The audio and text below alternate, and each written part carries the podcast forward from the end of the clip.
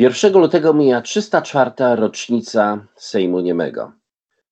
Sejm Niemy zapisał się w dziejach Rzeczpospolitej Polsko-Litewskiej jako najbardziej, nazwijmy to reformatorski Sejm, jako najbardziej reformatorskie zgromadzenie.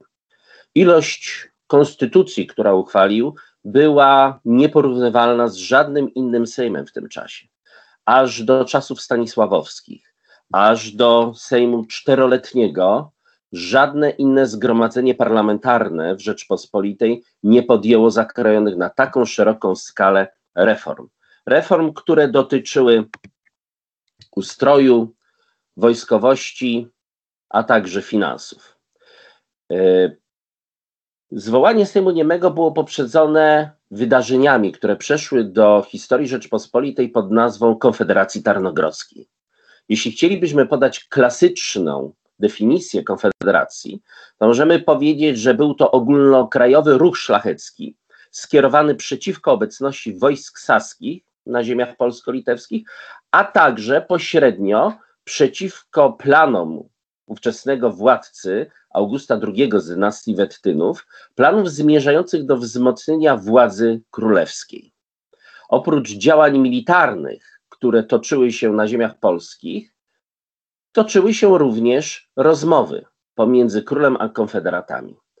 Konfederacja została zawiązana 26 listopada 1715 roku, no i jak sama nazwa sugeruje, została zawiązana w Tarnogrodzie. Przez cały rok 1716, oprócz wspomnianych działań militarnych, trwały również rozmowy pomiędzy oboma stronami, pomiędzy stroną królewską a konfederatami. Rozpoczęły się one latem 1716 roku w Lublinie i kontynuowane było jesienią tego samego roku w Kazimierzu przy udziale dyplomacji carskiej. Tą dyplomację, e, tą, ta dyplomacja reprezentowana była przez ambasadora Grigorija Fiodorowicza Dołgorukiego. To był poseł rosyjski, poseł Piotra I Romanowa, jego obecność związana była z pewnego rodzaju zaproszeniem czy propozycją, jaką złożyli mu konfederaci, aby uczestniczył w tych rozmowach, aby był pośrednikiem pomiędzy królem a konfederatami.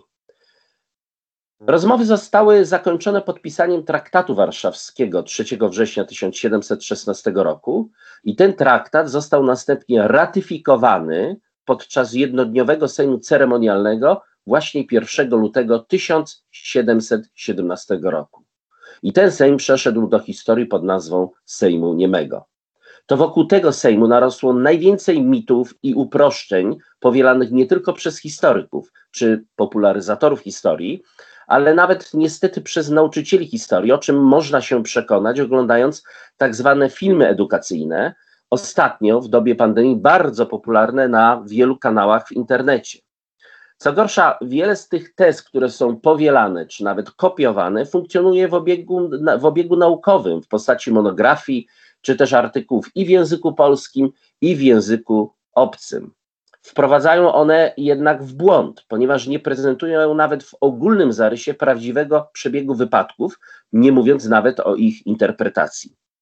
Jednym z najbardziej charakterystycznych elementów tej właśnie nie waham się użyć słowa kłamliwej narracji, jest rzekoma interwencja Dołgorukiego, który nie dość, że najpierw zastraszał y, uczestników rokowań między Augustem a konfederatami, to jeszcze 1 lutego 1717 roku nakazał otoczenie gmachu sejmowego siłami prawie 18 tysięcy wojska rosyjskiego i zabronił komukolwiek zabierania głosu.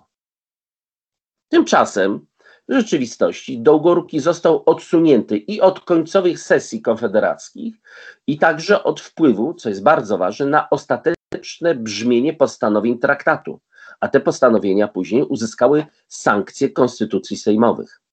Co prawda, Dołgoruki jeszcze pod koniec grudnia 1716 roku pojawił się, aby interweniować w e, interesie obu hetmanów wielkich, czyli Adama Mikołaja Sieniawskiego, hetmana wielkiego koronnego i Ludwika Konstantego Pocieja, hetmana wielkiego litewskiego, jednak jego głos został zupełnie zignorowany. Równolegle w listopadzie i w grudniu trwały prace nad przygotowaniem projektów konstytucji przyszłego Sejmu. Wszystkie propozycje, które zgłaszała i strona królewska, a także strona konfederacka, musiały zyskać sankcje obu stron. Czyli można powiedzieć, te projekty konstytucji były wynikiem kompromisu, były wynikiem chęci porozumienia. Do tego porozumienia obie strony nie doszły od razu, niemniej jednak uważały, że tylko i wyłącznie dyskusja, i to pogłębiona dyskusja nad problemami państwa litewskiego może przynieść rezultat w postaci właśnie kompromisu i w postaci zgody.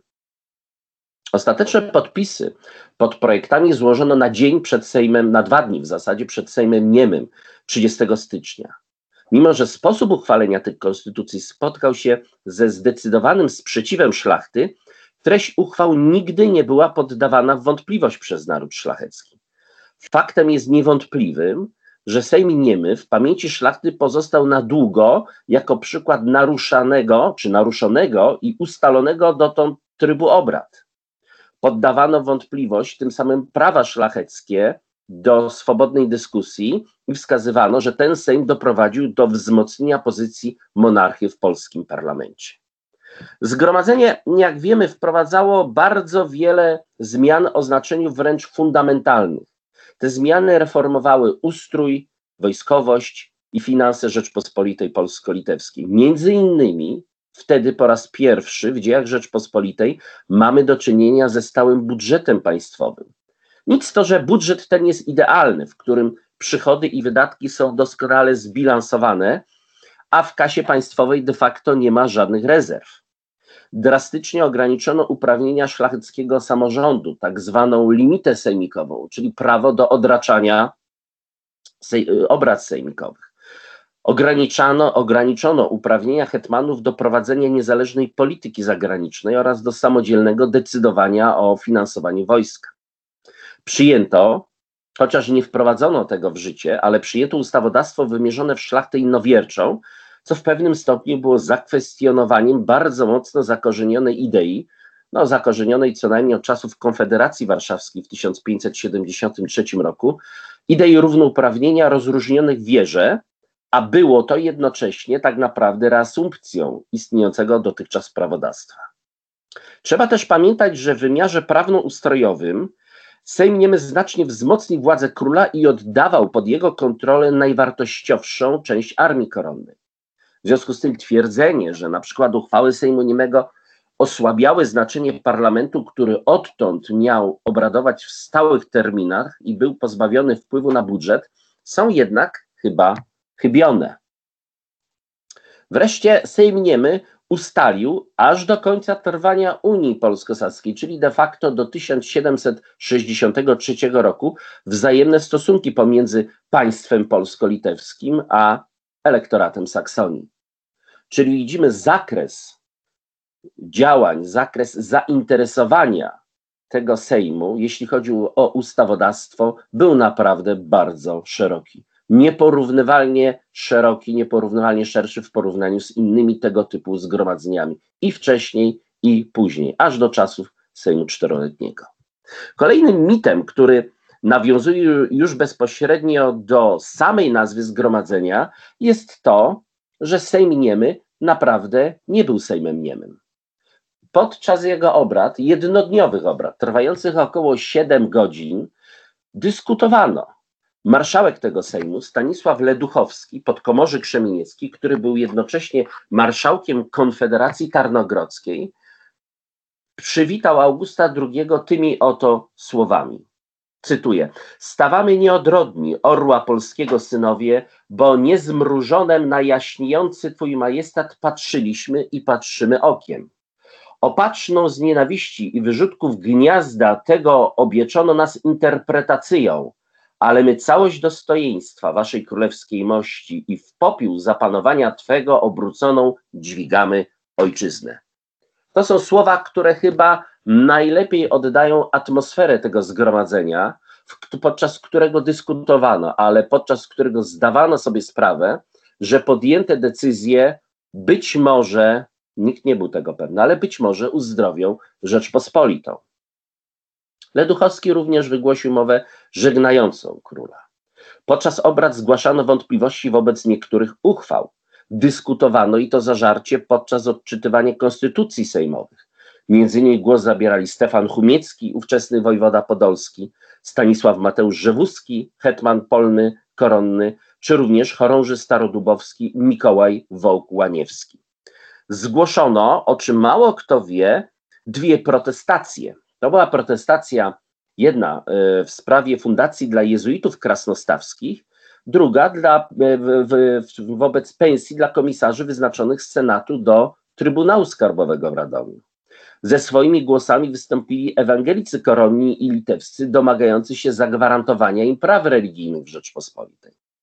Prymas Stanisław Szembek w pewnym momencie nawet zdecydował się na indywidualną kontradykcję i wyszedł, sta, wyszedł z sali, ten sposób sprzeciwiając się formie obrad. Jednak trzeba przypomnieć, że Sejmu Niemego, który, tak jak mówiłem, nie był niemy, nie dało się zerwać. Nie dało się zerwać dlatego, że obradował on pod tak zwanym węzłem konfederackim. Sejm Niemy jest również wyjątkowy z innego powodu.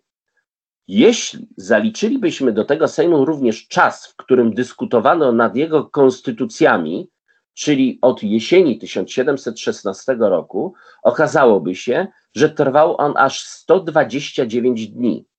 On znacząco różnił się od pozostałych Sejmów samą praktyką funkcjonowania.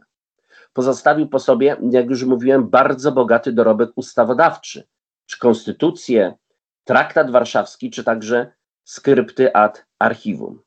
I warto o tym pamiętać, że właśnie ten Sejm, a przede wszystkim poprzedzające go rokowania Augusta II Wettyna z konfederatami tarnogrodzkimi, prowadzone przecież w niezwykle trudnych warunkach, były z jednej strony wyrazem kompromisu politycznego, dowodem na to, że król i jego poddani mogą poważnie dyskutować o państwie i mogą uchwalić maksimum tego, na co mogło się w tym czasie zdobyć państwo polsko-litewskie, zniszczone, podzielone pod względem politycznym po Wielkiej Wojnie Północnej.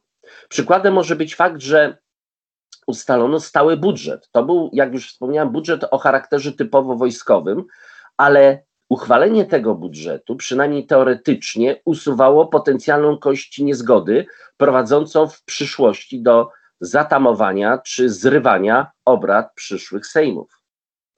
I Sejm Niemy odegrał więc chyba najważniejszą rolę w reformowaniu państwa w epoce saskiej.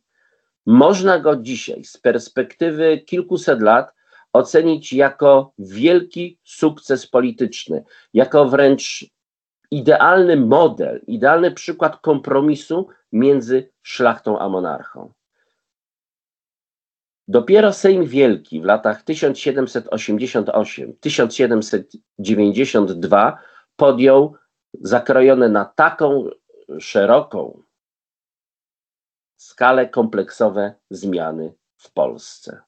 Jeżeli mielibyśmy oceniać wiek XVIII pod względem historii parlamentaryzmu, Sejm Niemy musi znaleźć w tej historii należne mu miejsce.